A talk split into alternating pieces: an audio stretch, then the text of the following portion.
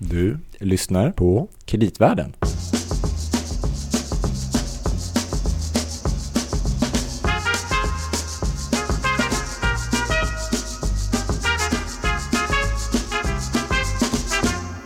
Ingen vändning på nyproduktionsmarknaden som sannolikt kommer att bjuda på en och annan konkurs framöver. Det säger Henrik Dahlgren som är finansanalytiker på Danske Bank de större bostadsutvecklarna kommer fortsätta stå sig relativt starka. Så ser man till exempel till JM och Skanska och Peab så, så är jag inte orolig. Däremot så har vi sett en ganska kraftig tillväxt av, av mindre, mer spekulativa fastighetsutvecklare under de senaste åren. Som också har en ganska hög skuldsättning och också ett ganska högt fokus på Stockholm som har varit en svag marknad jämfört med resten av Sverige. Och där tror jag nog att man faktiskt fortsättningsvis skulle kunna få se en och annan konkurs till exempel när vi går in i andra halvåret i år.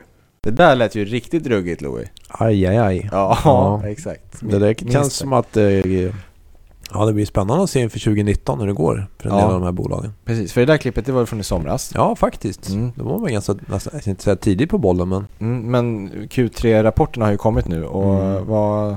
Det var väl ganska dyster läsning egentligen mm. mestadels. Det är ju framförallt att det går så trögt med försäljningen på de nya projekten och att mycket har avstannat. Just det, och då har man kanske svårt att täcka sina produktionskostnader med vissa av de här bostadsutvecklarna. Ja, exakt. Och liksom komma vidare i den här processen helt enkelt. Men eh, för vi får ju en del frågor om hela den här sektorn. Vi kanske mm. behöver liksom grotta ner oss lite mer. Jag tror det. Ja, i hur det funkar. Precis. Mm.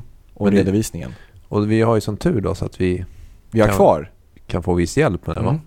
Vi har kvar eh, både Peter Malmqvist mm. och Bo Nordlund. Och även Bo Nordlund ja. ja. Välkomna. Bra. Hejsan. Hej igen. Hej hej. Mm. Mm.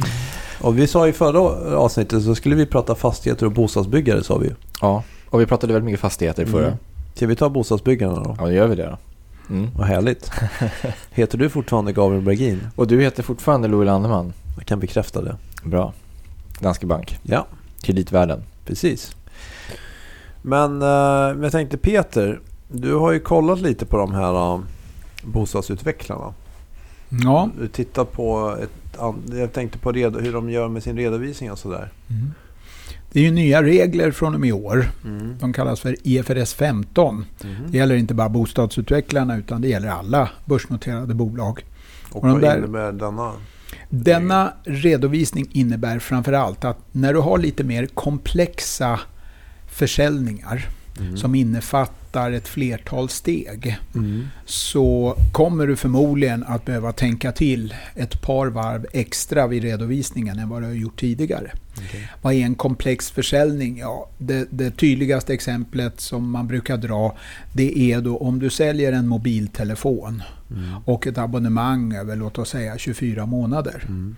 Då är ju frågan hur mycket av intäkten och då vinsten ska falla på mobiltelefonen och hur mycket av intäkten och vinsten ska falla 24 månader framåt på själva ja, användande kontraktet, mm. prenumerationen på mm. nätet och så vidare. Ja.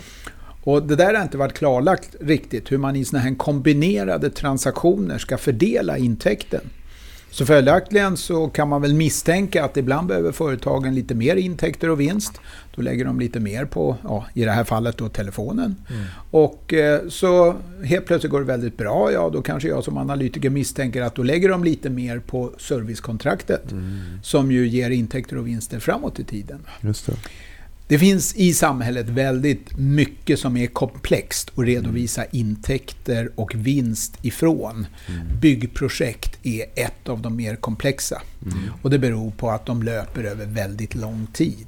Och man säljer lite i taget kanske? Eller lite olika? Ibland säljer man mycket lite, i början. Ja, det är lite olika. Ibland har du ju en köpare. Mm. Men det tar ändå två och ett halvt år att bygga bron eller bygga hyresfastigheten eller kontorsfastigheten. Det. Inte det enklaste bara att man bygger den och sen så när den, man frånträder den så redovisar man att man får sin intäkt? Det är enklast. Och så gjorde vi till för ungefär 20 år sedan.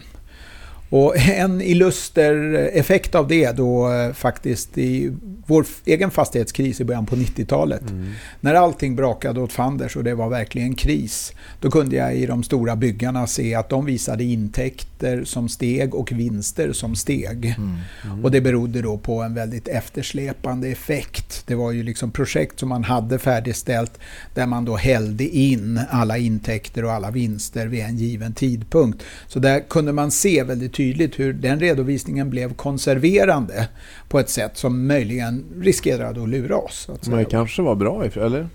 Ja, jag tycker själv att försöka beskriva intäkter och vinst i ett långsiktigt projekt successivt absolut är en bra princip. I normalfallet då så har ju kunden så att säga skrivit, det är en kund, kunden har skrivit ett kontrakt. Mm. Kunden kommer också ställa upp i normalfallet med hyggligt stora förskott, en fjärdedel direkt bara när man skriver mm. kontrakt. Kunden är fullt committad kring det här projektet. Mm. Och att då byggaren successivt tar upp intäkter och vinst från det här projektet. Mm. Det tycker jag är realistiskt. Kunden kommer ju bland annat stoppa in förskott vid flera tillfällen mm. innan så att säga, byggnaden, huset är, är färdigställt. Mm. Om man istället då säger att kunden är en bostadsrättsförening, mm. då blir det mer komplicerat. Varför, varför om, man, ja, om, om du sätter igång det här bygget i bostadsrättsföreningen när du har sålt 30-40% eh, av bostadsrätterna. Mm. Kan du då när du har kommit halvvägs i den här bostadsrättsföreningen ta upp halva intäkten och vinsten? Nej, det låter ju lite för bra för att vara sant. Man har ju bara mm. sålt då, låt oss säga 40% av bostadsrätterna. Men om man lyckas sälja resten, då funkar det? Det är en annan femma. Nu har vi bara sålt 40% och då blir frågan... Kan vi ta upp... backarna, Louis. får inte ha så bråttom här. Alltså. Min pedagogiska ådra eh, försöker bygga upp det här så att eh, lyssnarna ska känna ja, nu vill jag höra vad sanningen är i det här. Och då är alltså frågan, om vi har kommit halvvägs i projektet alltså hälften av kostnaderna har tagits? Hälften av kostnaderna. Vi har kommit, låt oss säga i tid räknat, för att ta ett enkelt mm. exempel. Vi har kommit halvvägs mätt på något visst sätt. Och då tar vi upp halva intäkten och halva vinsten. Men eftersom vi bara har sålt 40% av bostadsrätterna så multiplicerar vi det med 0,4. Mm. Är det en bra redovisningsprincip? Och då säger jag nej, det är det inte. För att bostadsrättsföreningen, och om det är en liten, kanske svag byggare, så kommer både bostadsrättsförening och byggare hamna i väldigt svåra problem om man inte säljer resterande 60 procent av bostadsrättsföreningen. Mm. Kan man säga, vad är det där för fiktivt, overkligt exempel? Det har ju varit så att man har ju sålt redan så att säga första månaderna på de flesta Stockholmsbaserade bostadsrättsprojekt så har man väl sålt en 60-70% av lägenheterna hyggligt fasta order. Och ett halvår senare så har man sålt nästan 85-90%. Så att, mm. vad, vad, får du dina 40% ifrån då? Jo, då säger jag så här, det var två år sedan så sålde, kunde man läsa i till exempel JMs eh, kvartalsrapporter att de hade sålt i princip belagt 90-92% av allting var sålt till kunder. Och då blir naturligtvis metoden inte särskilt farlig. Mm. Om man tittar idag när vi då har väldiga problem att sälja andelar i bostadsrättsföreningar som då håller på att byggas eller ska byggas. Mm. Då måste man naturligtvis säga att vi kan ju inte ha en redovisningsprincip som bara fungerar när vi har en uppåtgående marknad. Nej. Utan den måste ju fungera även i en nedåtgående marknad. Den måste ju mm. fungera. Vi kan inte multiplicera ibland med 0,9 och tycka ja det var väl bra. För det är ju nästan allt som är sålt. Mm. Mm. Och sen i ett senare skede säga 0,4. För 0,4 om man inte får fler bostadsrätter mm. sålda än 40 procent, då går hela alltet överstyr och så landar mm. i knät på byggaren. Och om byggaren är stark, då fortsätter och så får man väl hyra ut de här kvarvarande mm. bostadsrätterna. Men om byggaren inte är så stark, då riskerar ju en sån här förening att knäcka byggaren. Just det. Och det är här som då jag kan konstatera att byggbolagen, eller nu ska jag kalla det för bostadsutvecklarna, de som ja, är, är, med att hel, helt eller delvis mm. bygger bostadsrätter. De kan inte riktigt enas hur de ska redovisa det här enligt den här nya standarden då, IFRS mm. 15. Mm. Sex stycken mm. redovisar den här vinsten successivt och justerar då med andelen sålda bostadsrätter. Medan fyra stycken eh, tar intäkt och vinst när hyresgäst, eller inte hyresgästen utan bostadsrättsinnehavarna betalar sista slatten, vilket är mm. ungefär 98 procent av hela köpeskillingen, och flyttar in. Och sen något halvår senare har bildat en egen styrelse och tagit över så att säga, själva skötseln av bostadsrättsföreningen. Men alltså hyresgästerna flyttar in. Då, då är det fyra av tio som redovisar intäkt och vinst. Mm. Och det är jag det tycker mer att konservativa sättet. det skulle kallas för det mer konservativa sättet. Jag skulle kalla det för det robusta sättet. Det sätt som fungerar både i en uppåtgående marknad och i en nedåtgående marknad. Medan successiv vinstavräkning blir mer framåtblickande. Men blir då riskfyllt. Extremt riskfyllt i den svaga marknad som vi har idag. Jag skulle kunna säga så här. Det är upp till byggföretagen, om jag var väldigt generös. Det är upp till byggföretagen att besluta sig, men de måste redovisa bostadsrättprojekt på samma sätt. Sex stycken kan inte göra det på ena sättet och fyra stycken på det andra sättet. Det blir svårt att jämföra dem i alla fall. Ja, det blir ju väldigt svårt att jämföra dem. Och det finns en annan faktor som är mer allvarlig då kanske än själva intäkten och vinsten. Och det har att göra med var skulderna under byggtiden redovisas. För de fyra som då redovisar det här projektet när, bo, när bostadsrättsinnehavarna flyttar in och pröjsar 98 procent av köpeskillingen. De har då skulderna i sin egen balansräkning.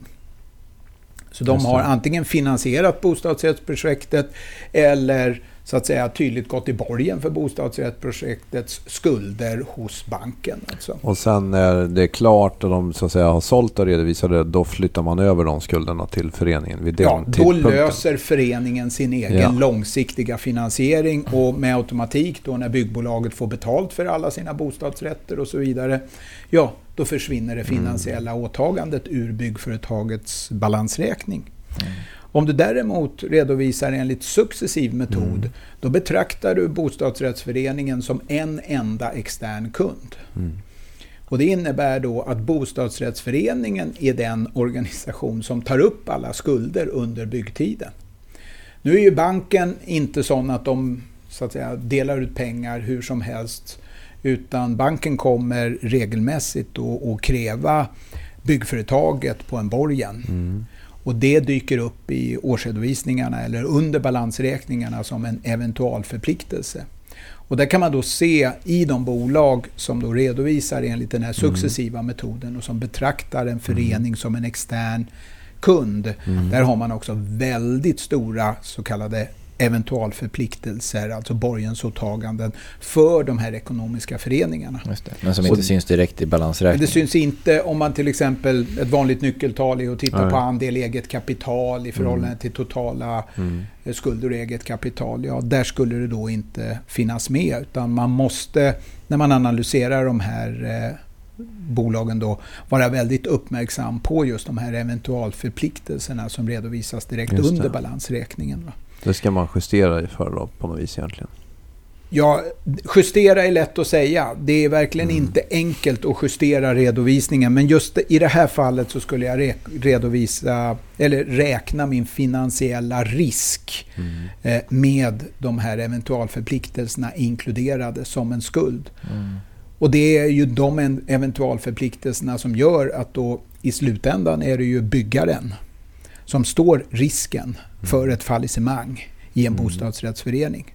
Får man inte mer än hälften av andelarna sålda, då kommer man på ett eller annat sätt få så att säga, se till att de 50 procenten som inte är sålda, ja, där svarar vi för de förpliktelser som finns. Så vi tar på Ja, oss precis. så att säga, de där 50 lägenheterna eller 50 procenten av lägenheterna, deras åtaganden gentemot banker och gentemot värmeverk och gentemot sophämtningsföretag Mm. och vad det nu är. Alltså. Och det är naturligtvis det åtagandet som i grunden gör att byggföretaget har en väldigt mycket högre risk i det här engagemanget Mm. än vad då sex av de här aktörerna redovisar när det går dåligt. Men eh, inte en fördel med de här su- successiva vinstavräkningen till exempel att då går det ju väl någonstans kanske att se om kostnaderna skenar på ett projekt. Så borde väl kanske det spela in då i den vinstavräkningen som man gör eller kan man läsa av det på något sätt? För de andra så kommer det ju inte synas någonting i resultaträkningen förrän det är klart. Jag skulle säga att i grunden, utifrån företagets perspektiv, så är ju naturligtvis hålla reda på kostnaderna Mm. Allt eftersom vi färdigställer byggnaden, oavsett hur mycket vi har sålt. Det är en av de absolut viktigaste faktorerna. Mm. ur det byggande företagets synvinkel så är det verkligen interna kalkyler och intern uppföljning och intern kontroll som säkerställer om vi gör det där på ett bra sätt. Ja. Om jag däremot, eh, om, om jag nu skulle ha huset så att säga i min egen balansräkning mm. Och inte använda successiv vinstavräkning. Och så visar det sig att jag får lägga ner för mycket tid, för mycket kostnader, blev för dyrt. Då måste jag skriva ner. Det är ett, ett sorts lager, pågående arbeten, mm. som jag måste skriva ner så fort jag märker att nej, det här blev dyrare än vad vi hade kalkylerat. Så att ur det perspektivet skulle jag inte säga att varningsklockorna skulle ringa snabbare med successiv vinstavräkning. Däremot naturligtvis, det är en mer framåtblickande prognosorienterad redovisningsmetod. Och har vi en kund mm. som betalar förskott och är committad och kommer ta över hela huset vid eh, byggandets slut, ja då är det en typ av risk. Har vi däremot 100 kunder där bara 50 ännu så länge har dykt upp mm. i den här bostadsrättsföreningen, då är det en annan typ av risk. Mm. Jag kan vara väldigt intresserad av att få information om just de här, att det är bara 50 av 100 som är sålda och så vidare. Men faktum är att det levererar de allra flesta bostadsrättsbyggare bra statistik på idag. Så att det, ur ett framåtblickande affärsmässigt perspektiv så har jag egentligen inte några problem att följa så att säga, utvecklingen av försäljningen av de här andelarna i alla fall. Fick jag inte det, då fick jag ju sämre information än vad jag skulle vilja ha. Alltså mm. Det är ju väsentligt då att jag får reda på hur många bostadsrätter är sålda och att det också är sålda med en, en robust så att säga, definition på försäljning. Mm. Även om det kanske blir svårare nu som i dagens läge när en del ger lite rabatter av olika slag och som kanske också är komplexa ur ett intäktskaraktär med lite avdrag på avgifter och så vidare. Och sånt. Det, det verkar vara komplext ur ett skatteperspektiv har vi kunnat läsa om. Alltså, men om vi struntar i skatter för ett ja. ögonblick. Eh, det är precis den här typen av komplikationer som vi har den här nya IFRS 15 att mm. ta, ta hand om. Så att om man nu är, lämnar rabatt på hyran de kommande två åren eller slipper avgiften de kommande två åren, ja då ska ju det räknas av från intäkten på direkten till exempel. När man då tar intäkten vid slutet av byggperioden som vi var överens om kanske mm. var den mer försiktiga men i dagsläget mm. bästa metoden. Jag kan väl flika in där att som, som gammal revisor så gillar ju jag väldigt mycket den där intäktsredovisningen som Peter här kallar för den robusta metoden. Det vill säga att man, man tar intäkten vid tillträdet och när risker och förmåner och kontroll har gått över till köparen. Då. Det, det, men det är min personliga uppfattning. Det blir lättare att härleda och det blir ryckigt eh, tidsförskjutningar men det blir mm. säkrare. Mm. Jag, jag, kan tycka att, att successiv vinstavräkning med en kund. Mm. Sen kan vi ha en kundrisk i sig, men det är samma risker vi har i alla fordringsförhållanden gentemot kunder. Men en kund som betalar förskott och har skrivit under ett kontrakt, jag ska köpa 100% av det här huset mm. när det är klart. Ja, det är en annan situation jämfört med när jag då också säljer mm. huset successivt. Alltså. Vid vilken tidpunkt måste man börja reversera det här då, om man nu har bokat i sin successiva vinstavräkning och sen så visar det sig att inte försäljningen går som den ska? I all redovisning så snart man får indikationer på det. Mm. Och vad det sen betyder, innebär i praktiken det är ju som med allting som har att göra med nedskrivningar så tenderar ju nedskrivningar av ett större projekt eller en anläggningstillgång eller en mm. goodwillpost alltid att komma ganska sent. Mm. Nu är det i sig inte ett, projekt som, äh, ett problem som ökar eller minskar beroende på om det är en bostadsrättsförening eller hur vi redovisar det. Mm. Det har vi i alla typer av byggprojekt. Och det har att göra med den här interna kontrollen, interna mm. uppföljningen. Att någon någonstans i kedjan snabbt ska dra i snöret och säga här mm. är vi fel, nu måste vi ta en kostnad. Tittar man på byggprojekt rent allmänt och börsbolagen, och nu pratar jag inte om mm. bostadsrättsföreningar, mm. så kan man då konstatera att det är väsentligt vanligare i fjärde kvartalet än det är i några av de tidigare kvartalen. Så att det är uppenbart att när man kommer mot slutet av året, då sätter man sig ner och tar mm. en, en ja, en mer kritisk kontroll av just den här aspekten. Så att det har i grunden inte så mycket att göra med bostadsrättsföreningar eller ej, utan är en generell problematik när det har att göra med långa kontrakt. Alltså. Men det, i det här fallet så är det kanske som du säger, om man ska hålla ögonen lite extra öppna vid, när Q4-rapporterna kommer. Q4-rapporterna är mer benägna att innehålla nedskrivningar. Det är Mm. utan tvekan så. Det, det jag tror jag försöker och de flesta andra aktieanalytiker försöker hålla kollen på det är ju om mängden bostadsrätter har ökat. Alltså mängden sålda bostadsrättslägenheter har ökat eller minskat jämfört med både förra kvartalet och jämfört med motsvarande för ett år sedan. Och där kan vi ju konstatera att det har varit under första och andra kvartalet rena massakern. Och det gör naturligtvis att man börjar också, och då lämnar vi redovisningen, ifrågasätta om man kan ha en affärsmodell som i grunden bygger på att slutkunden, den enskilde bostadsrättsinnehavaren, i grunden är den som tar hela risken. För att de här kontrakten som man skriver under är ju tänkta att vara bindande. Man betalar en spottstyver av totalpriset, kanske någon procent eller max två. Alltså. Och sen så när man kommer till, till färdigställandet och alla pengarna, 98 procenten ska betalas in, då är det bara för kunden att betala in. Då kan man ju konstatera att det är ju inte så riktigt i praktiken. Alltså det här fasta kontraktet har ju visat sig då, det kan eh, visar sig då bostadsrättsköpare kliva ur. Det har kommit ett rättsavgörande i somras som indikerade att om förseningen i projektet är längre än en viss tidsperiod och så vidare så har man rätt att kliva av kontraktet.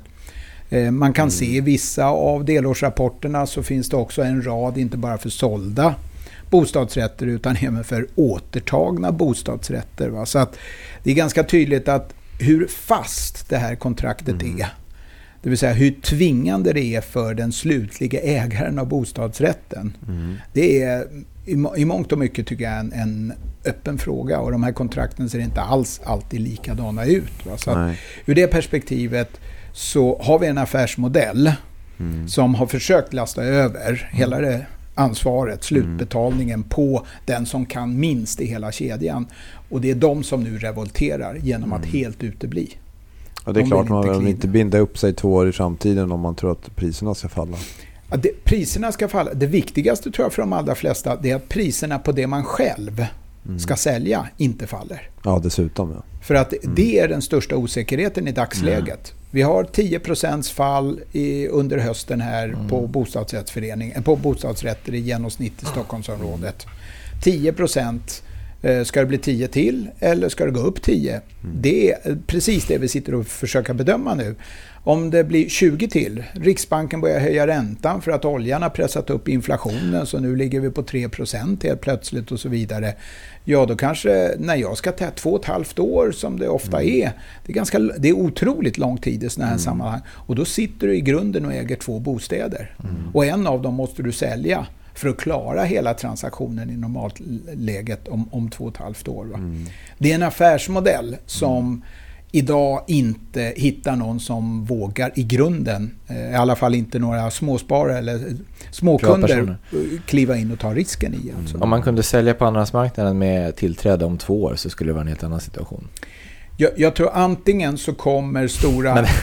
Jag, jag, jag tror i grunden Ja. att det här måste förvandlas från vad vi brukar kalla för terminskontrakt, alltså ett bindande kontrakt, till ett mer frivilligt ett optionskontrakt. Då kan å andra sidan om jag betalar in 100 Då tar ju 150 byggbolagen hela risken å andra sidan. Då kommer någon annan än den slutliga ägaren att behöva ta risken. Då kan denne någon ta betalt för den risken också. Då kan det vara så att nej, du betalar för den här optionen att få flytta in i den här fantastiska bostadsrätten om två och ett halvt år. Du betalar 100 000 för det nu. Vill du inte ha optionen så går du miste om 100 000. Och det står här bara rakt upp och ner.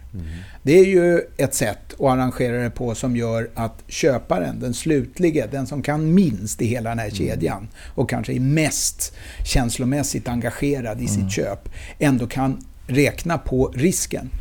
Worst case scenario, det värsta som kan hända, det är att tappa de här 130 000 som jag har betalat upfront till byggbolaget. Då, va? Just det. Oj, oj. En, Vi har pratat en del om IFRS 15 ju. mm. Det kommer en IFRS 16 här också i årsskiftet. Sägs det. Det stämmer. Rafflande.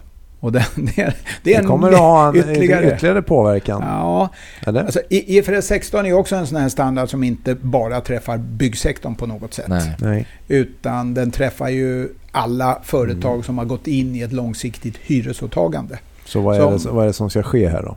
Då ska, om du till exempel har hyrt, låt oss säga att du eh, är en affär, så hyr du en eh, affärsyta på fem år. Just det. och så betalar du x antal tusen eh, i månaden för det där. Då ska du ta upp summan av alla framtida hyror under fem års tid. Diskontera det till nutidpunkten. Mm. Och så tar du upp det både som en skuld och som en tillgång i din balansräkning. Mm. Och tidigare så är det här, de här avtalen har inte funnits i balansräkningen överhuvudtaget. Inte i balansräkningen, men i börsbolagen så har de funnits i not. Där har man varit tvungen att beskriva hur de här eh, hyrorna ser ut. Då. Första året upp till fem år och sen så över fem år. Mm. Så man kan ändå skaffa sig en uppfattning om ifall till exempel detaljhandeln har väldigt långa Mm. eh, hyreskontrakt och därigenom riskfyllda eller väldigt korta. Alltså. Operationella leasar. Operationella leasar är väl... Det, eh, alltså hyreskontrakt på lokaler är ofta inte det vi brukar kalla för operationella leasar utan det är billeasing, lastbilsleasing eller flygplansleasing och sådana saker. Mm. Det är ofta det vi brukar kalla för operationella leasar och Just de det. omfa- omfattas också.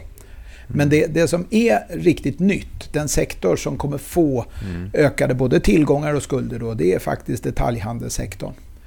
Det är där Och- man kommer att se det mest, tror du? Det är där man kommer se störst förändring. Mm. De andra Men även sektorer... om Transportsektorn du tar flygbolag Ja, till exempel. transportsektorn är, är flygbolag, shipping, eh, lastbilsföretag, bussföretag och så vidare har väldigt mycket leasing. Mm. Där har vi emellertid haft kläm på det. Och eh, det är sånt som inte minst då kreditratinginstitut Mm. ofta har försökt justera för. Inte Mm. minst då i... i Även vi, Gabriel. i men, men framförallt då flygplan och shipping, där, där Ja. är det ju väldigt vanligt att man försöker justera skuld. Mm. Och framförallt skuldsidan är ju då vi lite enögt tittar Mm. på. Nu behöver man inte göra de justeringarna. Nu får man dem direkt i balansräkningen. Fast, en, ja. en sak som ju är väldigt viktig tycker jag det var. Tidigare hade vi det där att det var finansiell lease eller operationell Mm. lease. Och det var ganska svårt att avgöra om det var finansiellt eller inte. Så att kan det inte ha varit så Peter att det misstänktes kanske att det fanns leasar som borde ha varit finansiella men som ändå redovisades som operationella? För att de hamnar utan balans, utanför balansräkningen då? Ja, och, och då...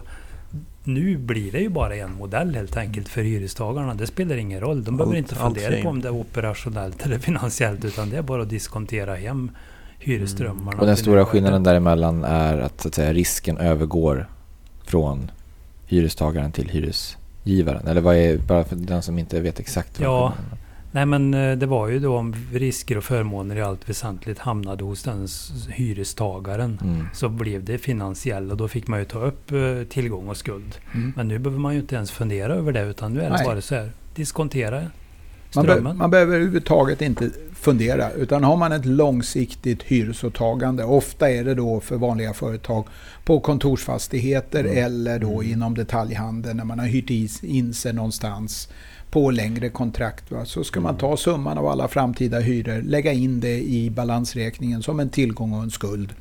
Sen skriver man av tillgången ungefär i den takt som man tycker tillgången ska skrivas av.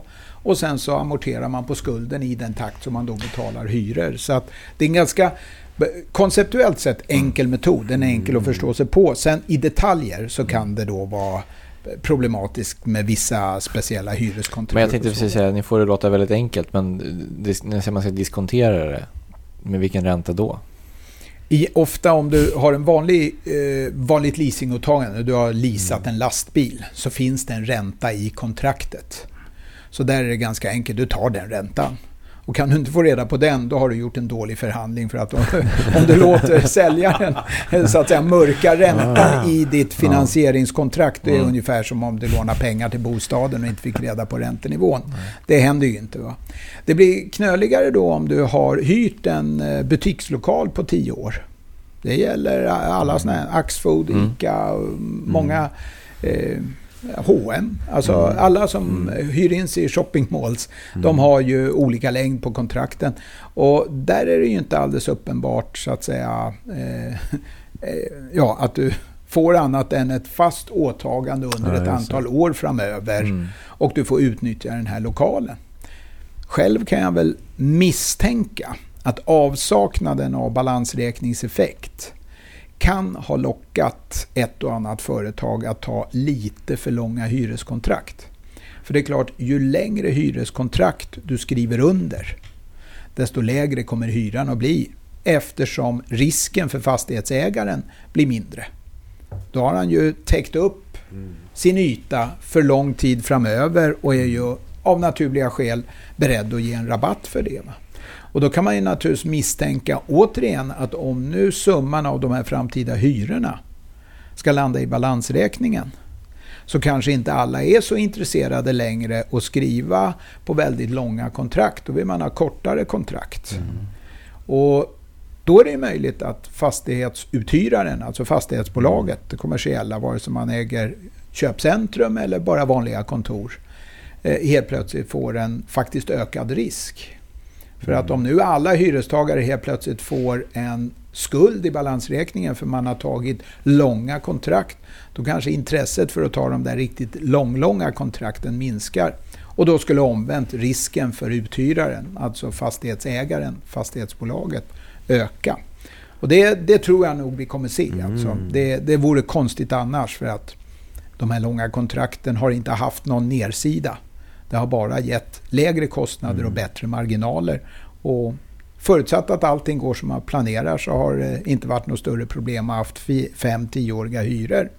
Men går det inte som man planerar, då är det verkligen ett problem att ha 5-10-åriga hyror. Ga- Gabriels fråga där är ju intressant annars för lyssnarna som inte sitter och lusläser standarderna dag ut och dag in. Att vilken ränta ska man använda? Och det säger ju leasingstandarden att man ska använda den implicita räntan eller marginella låneräntan. Och den implicita räntan det är ju den ränta som diskonterar alla leasingbetalningar med och icke garanterat restvärde tillbaka till tidpunkten noll så att eh, nuvärdet blir lika stort som verkligt värde på tillgången. Och den marginella låneräntan är ju vad den här låntagaren skulle få för låneränta. Hyrestagaren alltså. Ja, hyrestagaren skulle få för låneränta med, med på motsvarande löptid med motsvarande säkerhet så att säga eh, i finansieringskostnad eller lånekostnad. Mm. Så att, ehm, Men idag, om man bara, inte för att gå in allt för långt på det spåret, men ratinginstituten idag använder en ganska hög schablonränta när de gör sina sådana här justeringar. Ja, det stämmer. 7 procent till exempel. Man kan väl ändå förvänta sig att allt annat lika kommer ju den här räntan som man håller på att diskontera till bli lägre än 7 procent i dagens räntemiljö i alla fall. Jag tror alla kreditgivare skulle dö av lycka om de kunde få 7 Mm. avkastning på sina utlånade pengar Mot säkerhet i hyres... mot säkerhet i goda fastigheter. Ja. Så att några 7 procent, alltså ratinginstituten, min bild är att man har använt extremt schablonartade metoder. Mm. Där man har tittat på ett års hyra och sen så ungefär vad det är för tillgång. Och så har man multiplicerat det med en faktor. Och jag vet att inom flygleasing till exempel så har den faktorn varit ett års hyra gånger sju till exempel. Men det, det, blir, eh, det, kan bli, det kan bli det belopp som nu kommer komma upp i balansräkningen men troligtvis inte. Och jag själv har försökt titta på fotnötterna i en rad olika bolag för att skaffa mig en bild av det här och det tycker jag är en betydligt bättre väg att gå än att multiplicera ett års hyra med någon faktor. Alltså. För där får man ju visserligen odiskonterat så får man ju då veta vilka hyresbetalningar det här företaget har, även om det då är ihopklumpat i vissa tidsperioder. Alltså, men det är betydligt mer precis metod tycker jag själv. Alltså. Men det, det å, återigen, alltså, nu kommer det in i balansräkningarna och då kommer det ha betydelse. Och precis som det började så slutade det med att vi kom tillbaka till fastighetsbolagen igen. Mm. Ja, vi landar i Det är fastighetsbolagen. lustigt va? Ja. Mm. Allt börjar och slutar med fastigheter. Bollen är rund. Eller något. Kreditmarknaden. Ja. Fastigheterna är fyrkantiga. Jag ser fram emot framförallt alla Q4-rapporter som kommer efter årsskiftet. Mm. Då får vi se. Mm. Mm. Smarrigt. Tänk. Mm. Ja. Då får ni Och helt enkelt Peter, kanske återkomma så får, stort vi, tack. får Ja. vi utvärdera helt enkelt hur det blev. Mm. Mm. Mm. Och om det Men är inte sista ordet sagt, kan vi konstatera. Vi, vi håller kollen, det kan jag Vad garantera. skönt. Mm. Ja. Bra. Då så. Har ni, eh, om ni har några funderingar efter de här två avsnitten med Bo och Peter på något av det som har sagts eller ytterligare frågor så är det Mm. bara att skriva till oss. Mm. brevatkreditvärden.se eller direkt såklart till Bo och Mm. Peter. Vågar Ja, feedback mottages tacksamt. Yes, om input på andra spännande ämnen som ni ser fram emot såklart också. Ja. Men annars så tackar vi för den här gången. Stort tack. Eh, Och nästa gång, Ja, vad händer då? jag vet inte. Nej, Nej, Nej det kan vi inte avslöja nu. Nej då så. Nej, men Ja, då säger det, vi bara det då. kommer inte att vara så mycket fastigheter Nej, eller projektbolag. Något annat kommer det vara. bra med en paus. Ja. Hej då. Hej!